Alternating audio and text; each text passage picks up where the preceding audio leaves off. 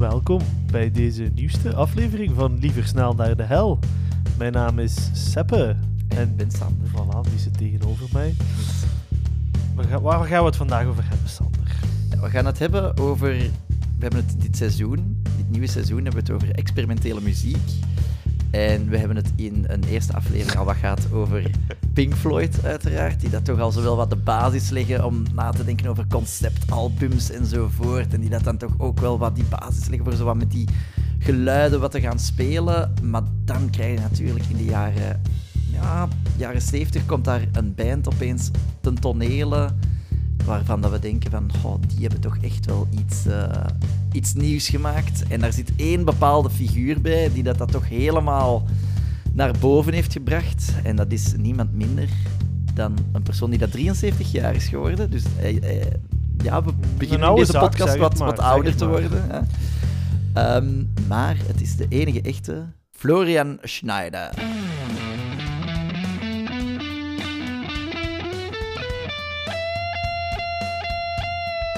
Liever snel naar de hel met Seppe en Sander. De naam Florian Schneider zal waarschijnlijk niemand iets zeggen. Dat heeft hij ook zelf wel echt gewild. Ehm, maar Kraftwerk, dat gaat misschien wel wat meer belletjes doen rinkelen. Hè? Yes. Eh, en, en Florian Schneider is samen met eh, Hutter eh, de medeoprichter van Kraftwerk. hè. Dus, dus wel een belangrijke figuur, zeker in, het- in het, in het collectief Kraftwerk. Hè? Zo gaan we het eigenlijk moeten noemen. Mhm. Ehm, maar we gaan beginnen, zoals altijd, Beginnen bij het begin. bij het begin. Die uh, floept daaruit, 1947, Ja, Eh, 7 april. 7 april, eh, in Duitsland, in, aan de Bodensee. Ja. En daar worden we op vakantie geweest, heel schoon. Ja, eh, vergis u niet, als Duitsers zeggen zee, dan wil dat vaak zeggen dat dat een meer is, Ja. terwijl een meer in Een Duits is is. eigenlijk een zee. Ja. Dus Voilà. is dan de, het Bodemeer eigenlijk. Wat, Ja, maar in. Duitsland is het Bodensee. ja, voilà, voilà. Verwarring alom, eigenlijk, die Duitsers. Ik denk dat we het ook niet gemakkelijker nu hebben gemaakt. Nee, maar, nee, ja. inderdaad. Maar bon, Maar bon, het is, hij wordt daar geboren. Ja, 1947, dat is nog niet zo lang na de Tweede Wereldoorlog. Ja, Ehm, de Duitsers zijn aan het opstaan na vernederd te zijn geweest in die Tweede Wereldoorlog. ja. En, en, en pa, Schneider, ja, die komt toch wel van een zeer loyaal nazi-gezin. Zelfs na de Tweede Wereldoorlog blijven ze die sympathieën toch nog Ja, wel wat bewaren. Maar pa Schneider die denkt, weet je wat, ik ga me eens een heel mooi Joods meisje zoeken. Hè? Ja, ja. En ik ga daarmee trouwen. En dat is ook wat hij doet. Hè? Hij zal trouwen met een half Joods eh, meisje. Eh, en daaruit komt Florian Schneider gepropt. Klopt. Interessant ook nog om te vermelden, eh, Pa Schneider, of Paul Schneider is eigenlijk zijn naam, is ook niet de minste, of komt echt wel van een gegoede familie. En zelf is hij ook een, een architect. En na de Wereldoorlog weet hij zich ook echt helemaal te ontpoppen als zo, echt zo een, een beroemde naoorlogse moderne architect. Dus hij gaat, hij gaat bijvoorbeeld ook de terminal van de luchthaven van Keulen eh, ontwerpen en ook de, de Mannesman-toren in Düsseldorf, die heeft hij ook ontworpen. Ja. En Düsseldorf, niet zo toevallig, want dat is ook waar dat het gezin Schneider uiteindelijk naar zal, zal trekken. Ja, voilà. Dus, en, en onze Florian die zal daar naar school gaan, zal daar muzikale opvoeding krijgen, zal zijn eerste aanraking al krijgen met de piano ook. Ja. Ehm, maar zal eigenlijk opgeleid worden tot, hou je vast, fluitist. Ja. Die gaat met de fluit spelen. Hij gaat met de fluit spelen. Ja. Waar hebben we dat nog, nog gehoord, Seppe? Speelde er nog iemand met zijn fluit? Ja, Nico speelde ook zo wat met de fluit. ja, ja, ja, ja, eh, ja, ja, ja, voilà. Dus, Ja, maar ja, met dat is eigenlijk soorten eh, fluiten was dat misschien ja, voilà, dat is Ja, de, de ja, gateway voor een muzikale carrière. We hè. zijn hier weer volledig politiek correct in, Ja. de, in de podcast. Ja. Maar dus hij speelde heel graag op zijn fluit. En ehm, in 1967 zal hij dan ook eh, met een bandje, Piss Off, eh, een, een paar optredens doen. Ehm, en Ja. dat zijn zelfs geteleviseerde optredens eigenlijk. Hè? Ja, ja, ja, ja, ja. Dus eh, effectief, Piss Off is, is, is een quintet. Dat betekent met vijf. dat betekent dat ze met vijf zijn, inderdaad, ja. en, Ehm, en, hoeveel, en wat is het als je met zes bent? Dat is een sextet. Oh. En, en met zeven is een septet. Ah, is dat? En met acht is een octet, denk ik. Ja. En zo kunnen we door blijven nee, nee. Is een... ehm, Shit. Wat is Nuff 9 that. in het Grieks? Nee. Eh, geen idee. Eh, maar in ieder geval, ze zijn met vijf. eh, waaronder Eberhard Kraneman. eh, toch ook wel een belangrijk figuur om te vermelden. Want Eberhard Kraneman die speelt de bas. Maar die zal eigenlijk ook later een zeer ondersteunende rol blijven spelen in het leven van Florian Schneider.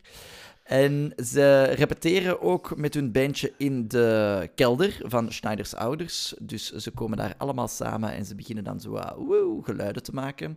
En als ik zeg geluiden, dan kunnen dat redelijk letterlijk nemen. Want er wordt ook wel gezegd dat de muziek die dat piss-off maakte, dat dat eh, erger was dan wat dat ze van een derde wereldoorlog zouden kunnen verwachten. Dus ja, dat, dat is natuurlijk niet een heel mooi compliment. Nee, zeker, want je moet denken op dat moment, hè, we zijn eind jaren 60, Duitsland is nog in twee stukken. Hè? Ja, ja. hij, ja, hij zal in het West-Duitsland, het, het kapitalistische, het, het westers gezinde West-Duitsland zitten. Ehm, maar allee, die, die oorlog, die Tweede Wereldoorlog, dat zindert natuurlijk nog wel na. Zeker bij de Duitse jeugd, hè, die een beetje met, met, met identiteitsproblemen ook zitten. Van nou, wat is een Duitser nu en van dit en van dat. Wie, wie zijn wij? Wat willen wij? voilà, wij? inderdaad, inderdaad. Ben ik maar een fluitist of ben ik iets meer? Ja, inderdaad. Maar eh, ondanks dat eh, de klanken van Piss Off misschien eh, toch een klein beetje wat, wat speciaal zijn, gaat dat een- er niet van weerhouden om inderdaad, zoals je er net al zei, een televisieoptreden te geven. Eh, ze gaan in de Cream Cheese Club een, een drie uur durende show spelen. Eh, ja, als je drie uur lang wilt, wilt opvullen terwijl dat je nog niet zo'n heel groot repertoire hebt, dan kun je er al iets bij voorstellen dat er vooral heel veel geëxperimenteerd wordt. En het toeval wil dat op dat moment de Duitse zender eh, VDR 3, dat die eigenlijk heel dat optreden, of toch delen van dat optreden, hebben opgenomen en uitgezonden. Nu, ja, bon, dat was niet zo'n fantastisch succes. Dus in 1968 zegt Pissoff ook van, "Mm, misschien moeten we allemaal een aan, andere weg Misschien uitgaan." moeten we maar eh piss-offen. Ja, ja, piss off, inderdaad. Dus onze Florian Schneider, die gaat, eh, ja, die gaat dan denken van, ja, wat kan ik nu nog wat verder doen? En gelukkig is er daar die bassist van Piss Off nog, eh, die Eberhard Kraneman, die dan ondertussen studiotechnicus, en die zegt van, Schneider, jij waart eigenlijk toch wel een goede fluitist.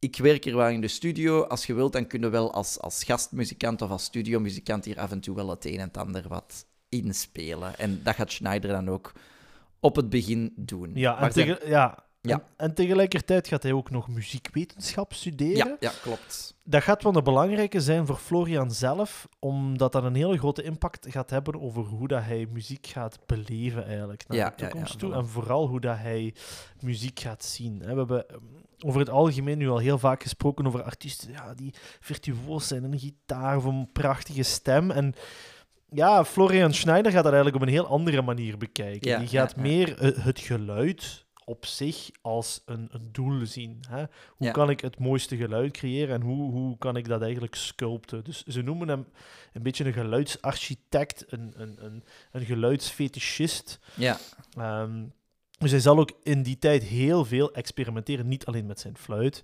maar ook met andere instrumenten. En een Ja. heel, heel, heel belangrijk instrument daarin is natuurlijk de synthesizer. Ja, Inderdaad. Eigenlijk, en dat is misschien hetgeen dat het interessantste daarvan is, is dat hij zo vooral die elektronische geluiden gaat opzoeken. Of Ja, inderdaad. heel hard de meerwaarde gaat beginnen vinden van ja, elektronische instrumenten. Dus hij gaat... Zijn fluit gaat hij zelf ook elektronisch vervormen. Ik begin het echt raar te vinden om zijn fluit de hele tijd te zeggen. Uh, maar bijvoorbeeld, hij gaat dan ook elektrische gitaar, viool en zo. Hij gaat, hij, gaat hij beginnen spelen. En hij leert op een gegeven moment ook iemand kennen, Ralf Hutter. En Ralf Hutter die kan heel goed met de toetsen overweg. Ja. Dus dat is al wel iemand die dat wel goed piano kan spelen, die dat ook goed met de synthesizer overweg kan. En de twee ja, vinden elkaar eigenlijk wel op dat vlak van het, het, het geluid eigenlijk laten beleven. Hè? En daarom richten ze ook een bandje op, de, die organisation. Die organisatie, ja, inderdaad. Een Nu, zelf- Misschien wel nog belangrijk om te zeggen, Ja. die, die, die liefde of die, die fascinatie ook voor het elektrische, voor het vervormen en ook voor de synthesizer, dat komt ook van muziekinteresse die, die Florian zelf heeft. En dat is dan Tangerine Dream, wat ook een Duitse Ja. band is. Ja. Ehm, en, en ook Pink Floyd. Pink. Floyd, ja. ja. Wat, wat zeker belangrijk is, als je zit dan in de jaren 70 van, van, van Duitsland, hè, ze zijn ook wel een beetje naar de toekomst aan het kijken. Hè. Je Mhm, zit zo in die mhm. futuristische vibe. Dus dingen elektrisch maken of elektronisch of heel wazig, dat past ook wel in, helemaal in die tijdsgeest, zo, hè, naar de toekomst toe. Ehm, en zij gaan daar zeker ook mee ex- experimenteren. Hè. Ja, dat doen ze in eerste instantie doen ze dat in, in 1969. Dan brengen ze een eerste album uit eh, onder de naam organisa eh, Die Organisation. En we moeten het op zijn Duits, Duits nog altijd uitspreken. En het album heet Tone Float. En ja, dat is een beetje... Tuin, tuinfluit. Ja, zou ik zeggen, ja, maar- toon, toon, toonfluit. ja, maar het is float, Het is- is, het is eigenlijk... Het is float, ja, drijven inderdaad. Maar het is, het, is, het is in ieder geval ehm, het is een album, maar het is ook een 20 minuten lang durend nummer, dat ook echt alle kanten eigenlijk wat uitgaat. En het interessante daarbij is, is dat je heel hard merkt dat ze echt aan het luisteren zijn van hoe kunnen we die instrumenten hier gaan benutten. En echt... Ja, Ze, ze kijken niet van hoe kan ik hier een mooie melodie mee maken, maar hoe kan ik eigenlijk dat geluid laten, laten leven, vooral. Ehm, waardoor, dat ze, ja, waardoor dat je toch ook al wel merkt dat ze, dat ze echt dat experimentele heel, heel hard aan het uitgaan zijn. En daarbij in eerste instantie nog wel die traditionele instrumenten nog wel gaan, gaan gebruiken. Ja, ja, ja. Dus het, allee, het, hoe ouder of hoe meer ervaren krachtwerk wordt, hoe minder, laten we zeggen, tussen aanhalingstekens, echte instrumenten dat er in, Mhm. hun, ehm, in hun repertoire voorkomt. Maar nu in die eerste albums, eigenlijk alles voor Autobaan, daar zitten nog wel echte instrumenten ook in. Ja. Ehm, en, en na dat eerste album gaan ze ook beslissen om niet meer die organisation te heten, maar Kraftwerk. Wat eigenlijk gewoon staat voor ja, energiecentrale, energie. ja, ja, ja. ehm, Een krachtcentrale, inderdaad. Ook krachtcentrale, zo, hè, eh. ehm, voilà. Dus, het is, ja, I- Ook zo een industriële naam ook. Hè. Dat past ook wel een beetje bij de muziek die ze dan op dat moment maken. Hè. Ja, en past ook gewoon helemaal in de tijdsgeest van de jaren 70. En we moeten ook bedenken, eh, wat dat zij daaraan doen zijn, is iets heel experimenteel. Maar eigenlijk de, de dominerende muziekstroming op dat moment is de punk. En heel de attitude dat erbij komt, hè, u een beetje wat verzetten tegen, ja. tegen de autoriteiten en een beetje wat verzetten tegen de mainstream en bla bla bla. Hè. Maar waardoor dat natuurlijk, als je jezelf je, je band Kraftwerk gaat noemen, dan is dat ook echt heel provocerend. Hè? Want op dat moment komt ook heel de ecologische volksbeweging eigenlijk zo wat op, eh, die daar zich ook verzetten tegen de bouw van nieuwe eh, energiecentrales. En dan komt er een band die dat zegt van, ja, hallo, wir sind Kraftwerk. Ja, ja, ja, en inderdaad. En ze, ze krijgen ook een klein beetje te maken met eh, het Duitse stigma nog steeds. Hè. Blijkbaar worden in die eerste interviews met Kraftwerk Internationaal heel vaak toch wel zo wat referenties gemaakt naar nazi's. En naar, maar niet langs hun kant, maar vanuit de interviewerskant. Ja, ja. Ehm, dus daar krijgen ze ook wel heel hard mee te maken. En ze gaan ook daar iets mee doen. In die term dat ze zoiets hebben van, ah, je vindt dat wij nazi's zijn? Oké, en dan gaan we... We gaan dat niet provoceren, maar we gaan dingen uitbrengen waardoor dat het lijkt alsof we aan het provoceren zijn, terwijl we dat eigenlijk helemaal niet aan het doen ja, zijn. ja, ja. Dus ze gaan ook heel veel spelen met betekenissen van woorden eh, die vertaald worden vanuit andere talen eh, komen. En dat heeft ook wel een beetje te maken met het feit dat zij ja, veel Duitse termen, Duitse woorden in hun muziek gebruiken. Hè. Dus ze beginnen als krachtwerk en ze gaan niet meteen van de grond komen. Hè. Dus ze gaan in, in een eerste fase hebben ze geen commercieel succes. Ze gaan vooral heel veel, veel zoeken naar een manier om optredens te krijgen. Maar op het begin zeggen ze ook van ja, we organiseerden iets. En soms dan moesten we een optreden gewoon afblazen omdat er ja, Niet genoeg volk kwam. En wat dat ze dan wel vinden, is een bepaalde samenwerking met zo, ja, de kunstwereld. eh, die daar van die happenings organiseren. En ja, ja, happenings, wat was dat? Een soort van ja, bijeenkomst van allemaal kunstenaars en, en, en in, in de hele brede zin van het woord. En waar dat er dan ook wel plaats was voor hen om optredens te doen. Ja. En dus ook om hun, hun, hun muziek echt wel als een kunstwerk neer te zetten. Tot 1974 eigenlijk. Ja. Want dan gaat er een, een belangrijk moment zijn voor de band. En dan gaan ze het album Autobaan uitbrengen. Met ook de ja, wereldhit. Ja, eigenlijk wel. Hè, de wereldhit Ja, ja, het is- Autobaan. Ehm, dat wordt ook wel een beetje gezien als de eerste echte techno-hit tussen aanhalingstekens. De eerste electropop-hit. Het is een nummer eh, 23 minuten lang. Hè, dus ook heel, heel toepasselijk voor de radio. Hè. Dat is een beetje de Ja. 23 minuten. Dat is wat Shine on You Crazy Diamond, Pink Floyd. Hè, die deed dat ook. Ja. Ehm, maar dat zal in, in de Verenigde Staten in de top 5 staan eh, in de hitparade. Zal in Frankrijk een, een dikke hit zijn. In Duitsland ook.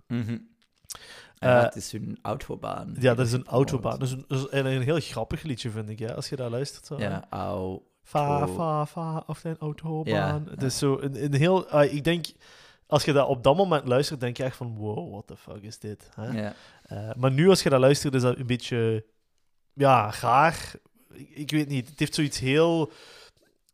Het, het lijkt precies een kinderliedje. Ja, ja, ja. Snap Maar ik kan, me, ik kan mij ook niet voorstellen dat het in die tijd ook niet meer raar moet geklonken hebben. Ja. Want wij zeggen nu, als we erop terugblikken, denken van ja, speciaal nummer. Maar ik kan me niet voorstellen dat het op dat moment ook niet Nee, speciaal was. dat is waar. Maar dat zal ook het album zijn waar hij de laatste keer met zijn fluit speelt. Ja, ja, ja. En ehm, toch ook wel interessant ook om te vermelden, want hij heeft op dat moment echt een elektronische dwarsfluit eh, wat gecreëerd.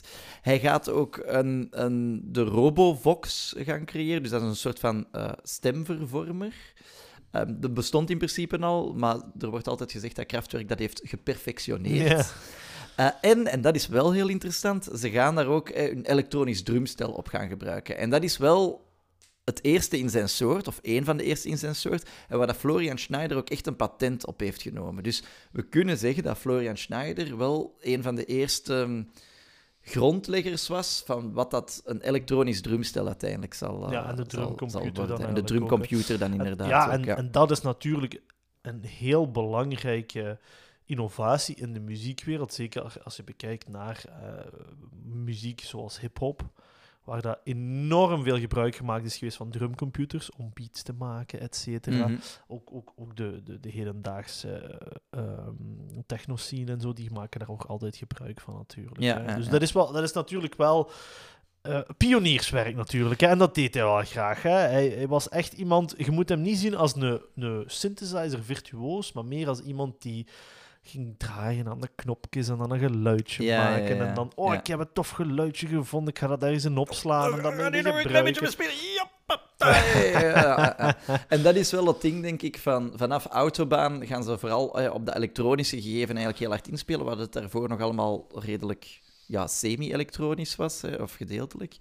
Ehm, wat dat ook interessant is, is dat Autobaan wordt heel vaak bekeken als het eerste album van, van Kraftwerk. Dat is eigenlijk niet echt waar. Ze Mm. hebben daarvoor ook nog wel andere albums gemaakt. Hè. In 1970, in 1972, 1973 hebben ze zeker drie albums nog uitgebracht. Maar die kun je eigenlijk nergens meer vinden. Dus dat zijn, dat zijn bootlegs. Hè. Dus ze hebben die Ja. nooit digitaal uitgebracht of zo. Ze zeggen ook van ja, maar toen waren we nog wel aan het experimenteren. En met Autobaan hebben we ons echt neergezet. Toen hadden we onze sound gevonden. En ja, het is wat dat gezegd, hè, dat is een 23 minuten lang durend nummer. En dat is ook... Het, het is een concept dat ze dan eigenlijk neerzetten. En heel opeens snappen van, met Kraftwerk gaan wij conceptalbums eigenlijk maken. Gaan wij een bepaald gevoel tot leven brengen aan de hand van Ja, geluid. inderdaad. En dat zal niet onopgemerkt zijn. Hè? Nee, want nee, nee, nee, nee, nee, nee. Na Autobaan gaan ze nog eh, Radioactivity uitbrengen met zo'n een, een, een, ja, zelfs een historisch een nummer als Geiger Counter, waar dat ze dan eigenlijk het getik van een, een, een, een Geiger Counter, wat dan eigenlijk een radioactief meetinstrument is, Mhm. gaan gebruiken als intro. Heb je dat nummer ooit Ja, ja, ja, ja, dat begint ook zo. Ja. Ja. En dan aan een tijd dan... eh, Eh, heel, heel, natuurlijk heel, heel eh, ehm, eh, innovatief. En Ja. dat nummer gaat later ook een een nummer dat zijn dat wat gelinkt wordt met Tsjernobyl. ja. Eh, en later gaat dat ook aangepast worden naar eh, Fukushima. Dus Ah, dat, ja, dat- ja, dat is de, die, dat album, ook Radio, Radioactivity, dat telkens als er iets met nucleaire problemen zijn, dan komt dat weer terug op de poppen. Ja, je moet ook bedenken, dit is 1975 natuurlijk ja, ook. Hè, want. Chernobyl is, als ik me niet vergis, 1989 inderdaad. Ja, dus, inderdaad. Allee, om maar te zeggen van, zij zijn daar op dat moment 87. al heel hard mee, mee bezig en dat leeft daar al helemaal. Dus ze zijn voor op hun tijd, ja, eigenlijk. ja, heel ja, ja, hard. ja, inderdaad. Ehm, Eh, ja. En dan heb je ook nog Trans-Europa Express. ehm, Ja.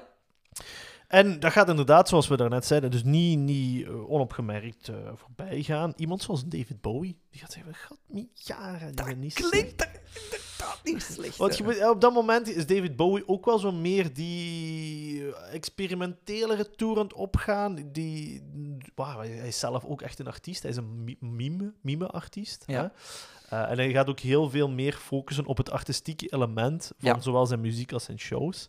En Kraftwerk past daar perfect in. Ik denk voor, voor David Bowie gaat, gaat Kraftwerk misschien wel zo'n soort van kantelpunt geweest zijn om echt zo dat elektronische meer en meer te gaan Ja. exploreren. hè. Ja, ja, dat ja, hij daarvoor ja, ja, in de typische jaren, eind jaren 60, 70 scene zoals zit. En met dan effectief ook de punk waar dat hij wat mee opvaart. Maar ook eh, alles wat, dat we, za- wat dat we zagen met... eh, of ja, zagen met... ehm, Lou Reed en eh, The Velvet Underground Voilà. eigenlijk. hè. Dus hij zit zo wat in, in dat ver, de vertoeft wat in dat milieu. En dan komt Kraftwerk en opeens heeft hij door van... Wow, we kunnen nog veel verder gaan. Tuurlijk, tuurlijk. Want je moet ook denken, vanaf midden jaren 70, eind jaren 70, begint er ook iets op te komen als de disco. Ja, ja, En ja. ik, ik vind het heel mooi dat Kraftwerk zich daar eigenlijk zo ja, niet tussen positioneren, is echt niet het juiste woord. Want ik zie het veel meer gelinkt met, met experimenteel, met avant-garde. Dus misschien meer ge- gelinkt dan de punk.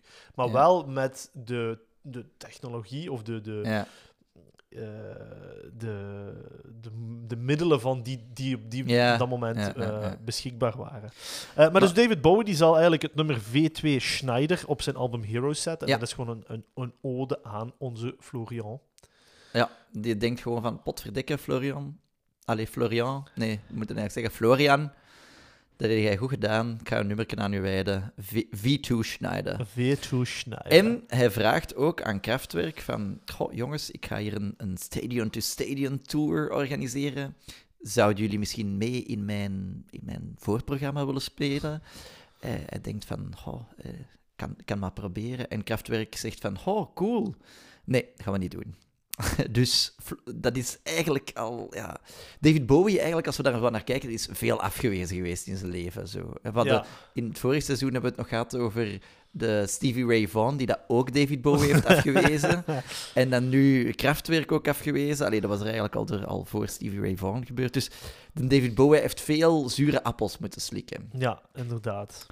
Uh, maar niet alleen David Bowie was onder de indruk van Kraftwerk, eigenlijk ook Iggy Pop was, uh, vond dat ook heel interessant. Iggy Pop wordt ook altijd wel beschouwd als wat de, de vader van de, van de punkmuziek ergens, hè, of de, de grootvader van de, van de punkmuziek. Ja, de overgrootvader. Of de overgrootvader.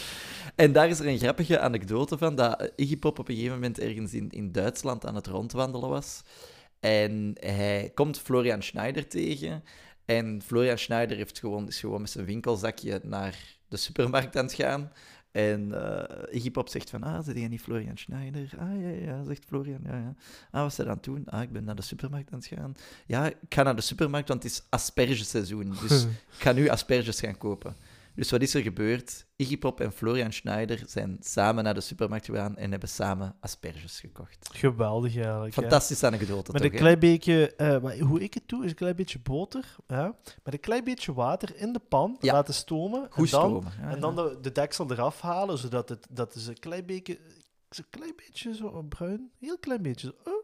Ja. Extra boter erbij serveren. Mm. En dan doe ik eigenlijk um, parmaham in de oven, dat dat hard wordt, en dan verkruimelt je dat over je asperges. Voilà. Koken met seppekuipers. Voilà. Want, waar gaan we deze podcast ook niet over praten, Sander? Ah. Nee, we gaan... Drugs! En niet over Led Zeppelin. En niet Led Zeppelin, inderdaad. Het zijn twee zaken die dat toch echt wel... Ja, ik kan me niet voorstellen dat Led Zeppelin dat het hen vreemd was. maar drugs uh, to toch wel, denk ik. Allee, of of, of allee, toch niet, in ieder geval. Daar hebben we niks van teruggevonden. Maar het typeert ergens ook wel Kraftwerk, want Kraftwerk was ook gewoon wel een heel gesloten community. Dus we weten ook gewoon, en dat was het hele moeilijke in, in, in het opzoeken van informatie over Florian Schneider. Ja, er, er is gewoon heel weinig over de man bekend. Ja, ja. Wat wel nog heel belangrijk is, um, en zeker naar het einde van de jaren 70, in de jaren 80, ja. Kraftwerk, uh, dat gaat een inspiratiebron zijn voor zoveel artiesten om te samplen, dat kun je je niet voorstellen. Ja, ja, ja, uh, van, van opkomende hip-hop artiesten die met hun, met hun drumcomputer dan mm -hmm. uh, sampletjes gaan halen uit Kraftwerk. Uh, je hebt New Order, die in een liedje Blue Monday een sample gaan nemen van, van Kraftwerk. Um, en zelfs tot in, in de jaren 2000 uh, heb je Jay-Z die dat gaat doen. Mhm. Je hebt uh, Coldplay die dat allemaal gaan doen. Dus allez, zeker in de jaren 80, maar ook daarna gaat Kraftwerk echt gewoon gebruikt worden als inspiratiebron voor Mhm. heel veel muziek. En dat is eigenlijk ook wel een klein beetje ja, hun doel geweest, niet, maar zij, zij wilden experimenteren met geluiden. Dus er zijn heel veel deuntjes uh, die je gaat herkennen. Dan denk je van, ah, is dat Kraftwerk? Ja, ja, ja, ja, ja. Inderdaad, ja. Zo is er een deuntje op uh, Computer Love, allee, of van het nummer Computer Love, dat iedereen meteen gaat herkennen. Want als je dat speelt, dan denk je niet meteen aan Kraftwerk, Computer Love, maar dan denk je aan Talk van Coldplay. Ja. En dat is letterlijk die...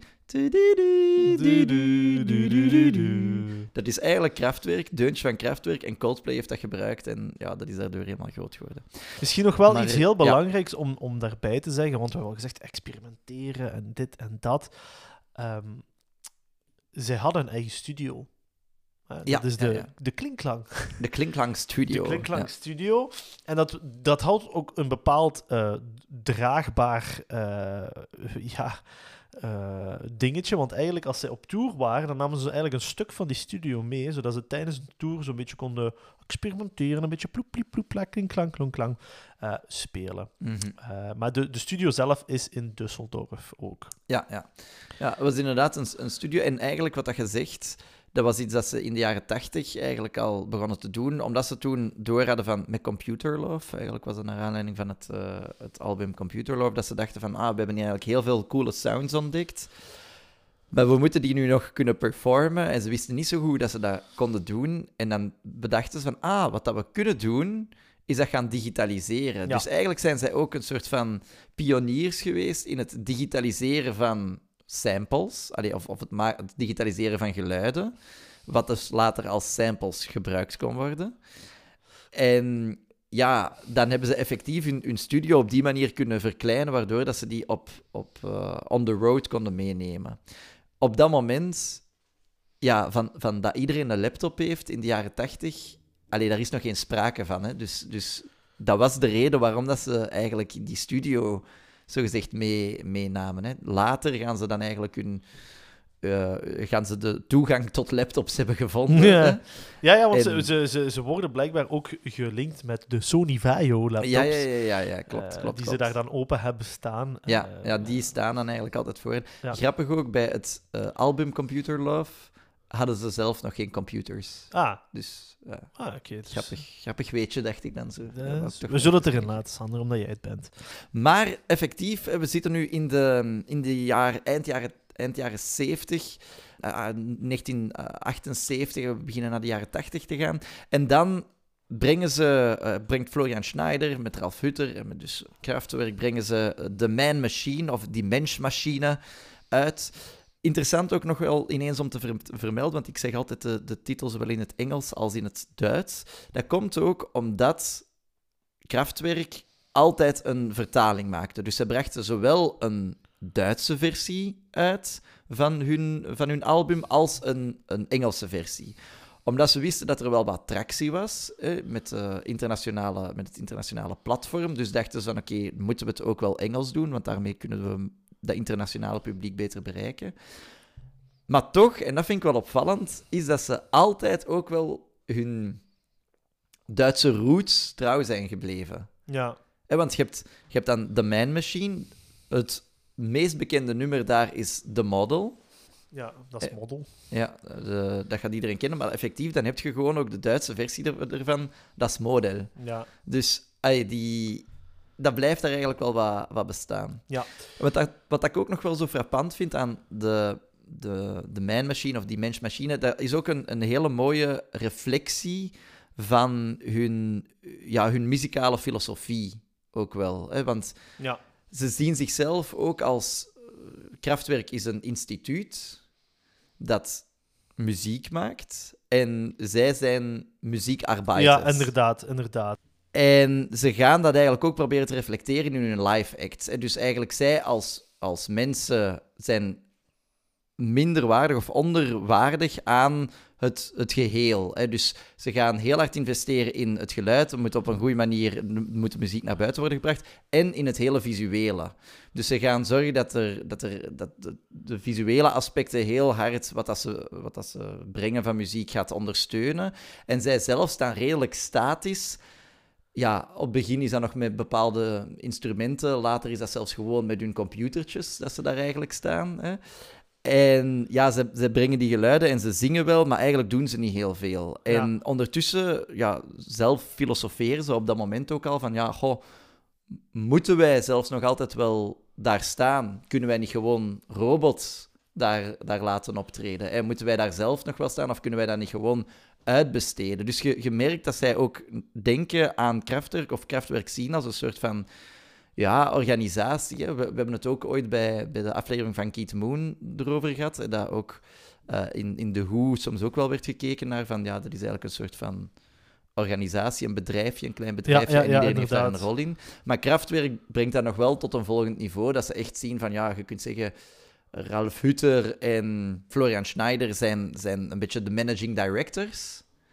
En zij beheren alles, zij, leggen de, de krijtlijnen uit en ja, de rest moet eigenlijk worden uitgevoerd. En bijvoorbeeld in, in dan de jaren uh, eh, 1991, bijvoorbeeld, dan gaan ze ook hun, hun, als het nummer Die Robot brengen, dan gaan ze dat ook laten spelen door robots. Dus dat zijn dan letterlijk ja, uh, poppen die dat ja, een beetje een paar handelingen doen en die dat daar in plaats van hen staan. En als je blijkbaar, en moet dat dan geweest zijn, ze zetten die poppen op het podium. En als je even dat niet goed had gekeken, of als je daar even niet, niet op had gelet, dan duurde dat ook even voor dat je door van, ah, zij zijn dat niet. Omdat die daar zo statisch eigenlijk staan. Ja, inderdaad, inderdaad. Dus niet, niet echt veel uh, charisma tijdens hun optredens. Hè? Ja, maar dan effectief, ze leggen daarmee eigenlijk toch ook wel een hele belangrijke basis voor wat dat dan de New Wave gaat worden. Een New Wave die dat dan toch wel een, een revive uh, krijgt. En eigenlijk vanaf dat die basis is, uh, ja, een revive die dat dan eigenlijk gaat ontstaan, gaat ontstaan inderdaad.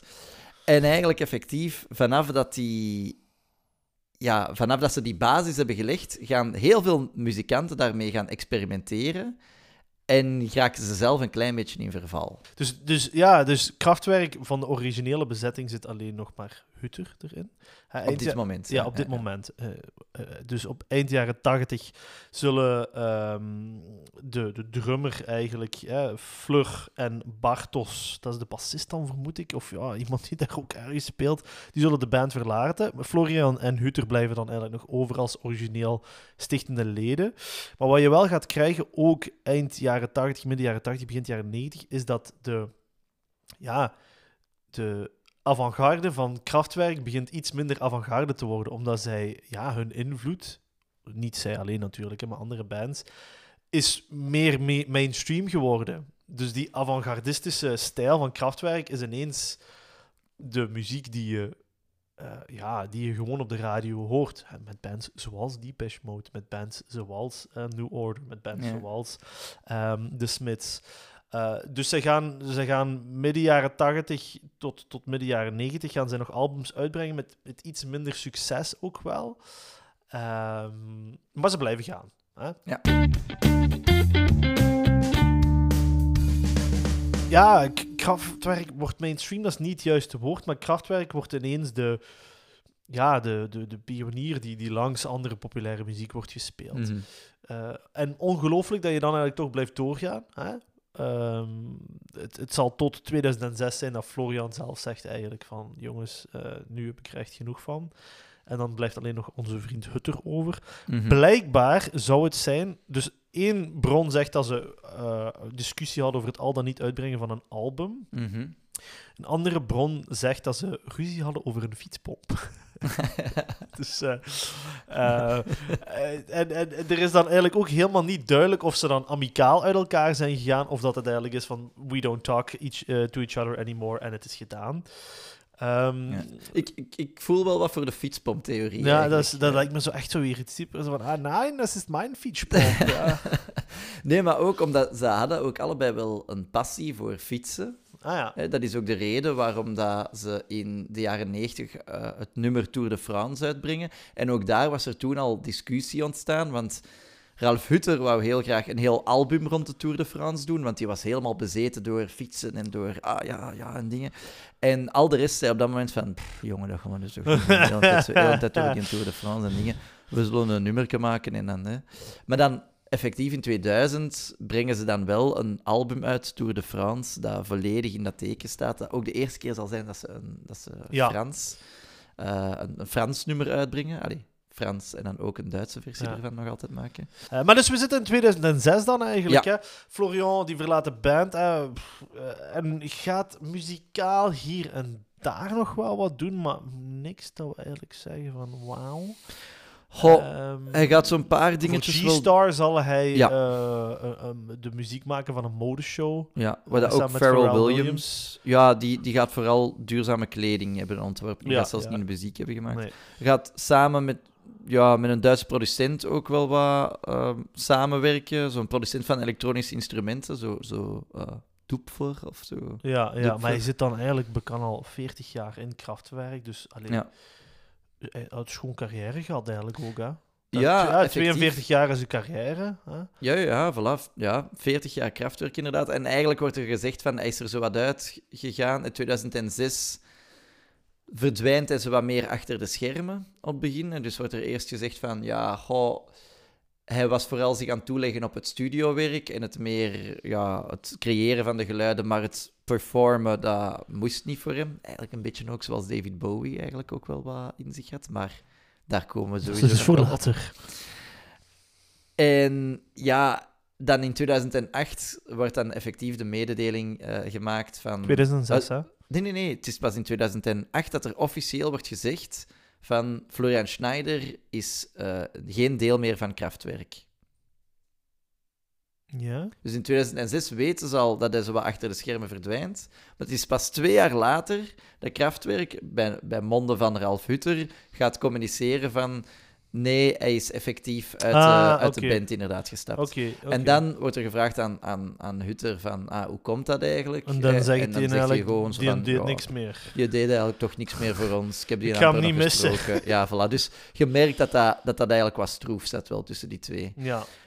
Sommige bronnen zeggen ook, waaronder eh, Wolfgang Fleur, die dat een... ehm, eh, ja, die dat eigenlijk eh, de, de, de drummer was oorspronkelijk bij, bij Kraftwerk, die, die zegt eh, bijvoorbeeld van, ja, nee, dat is eigenlijk gewoon, Hutter was eigenlijk heel, heel dictatoriaal en ja, dat, dat botste daardoor. Dus het is ongelooflijk dat Florian Schneider het er zo lang mee heeft, mee heeft volgehouden. Nu, Hutter is ook wel een. Nee, sorry. Wolfgang Fleur is ook wel een, een, een bewogen bron. In die zin dat hij. Ja, die is op een gegeven moment uit Kraftwerk gestapt en eh, heeft dan zijn boekje te buiten gedaan. Ja. Is opeens interviews beginnen geven waar dat Kraftwerk dat eigenlijk nooit deed. En heeft op een gegeven moment ook een hele biografie geschreven. Ik var een robot, ja, I was a robot.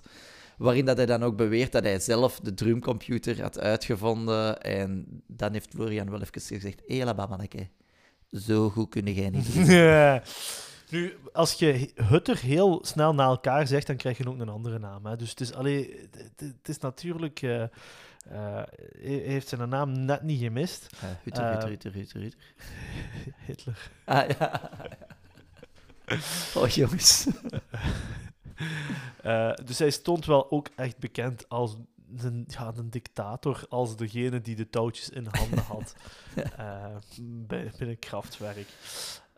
Ja, en dan, ja, en dan gaan we eigenlijk moeten gaan naar zijn diagnose kanker en dat hij sterft aan kanker.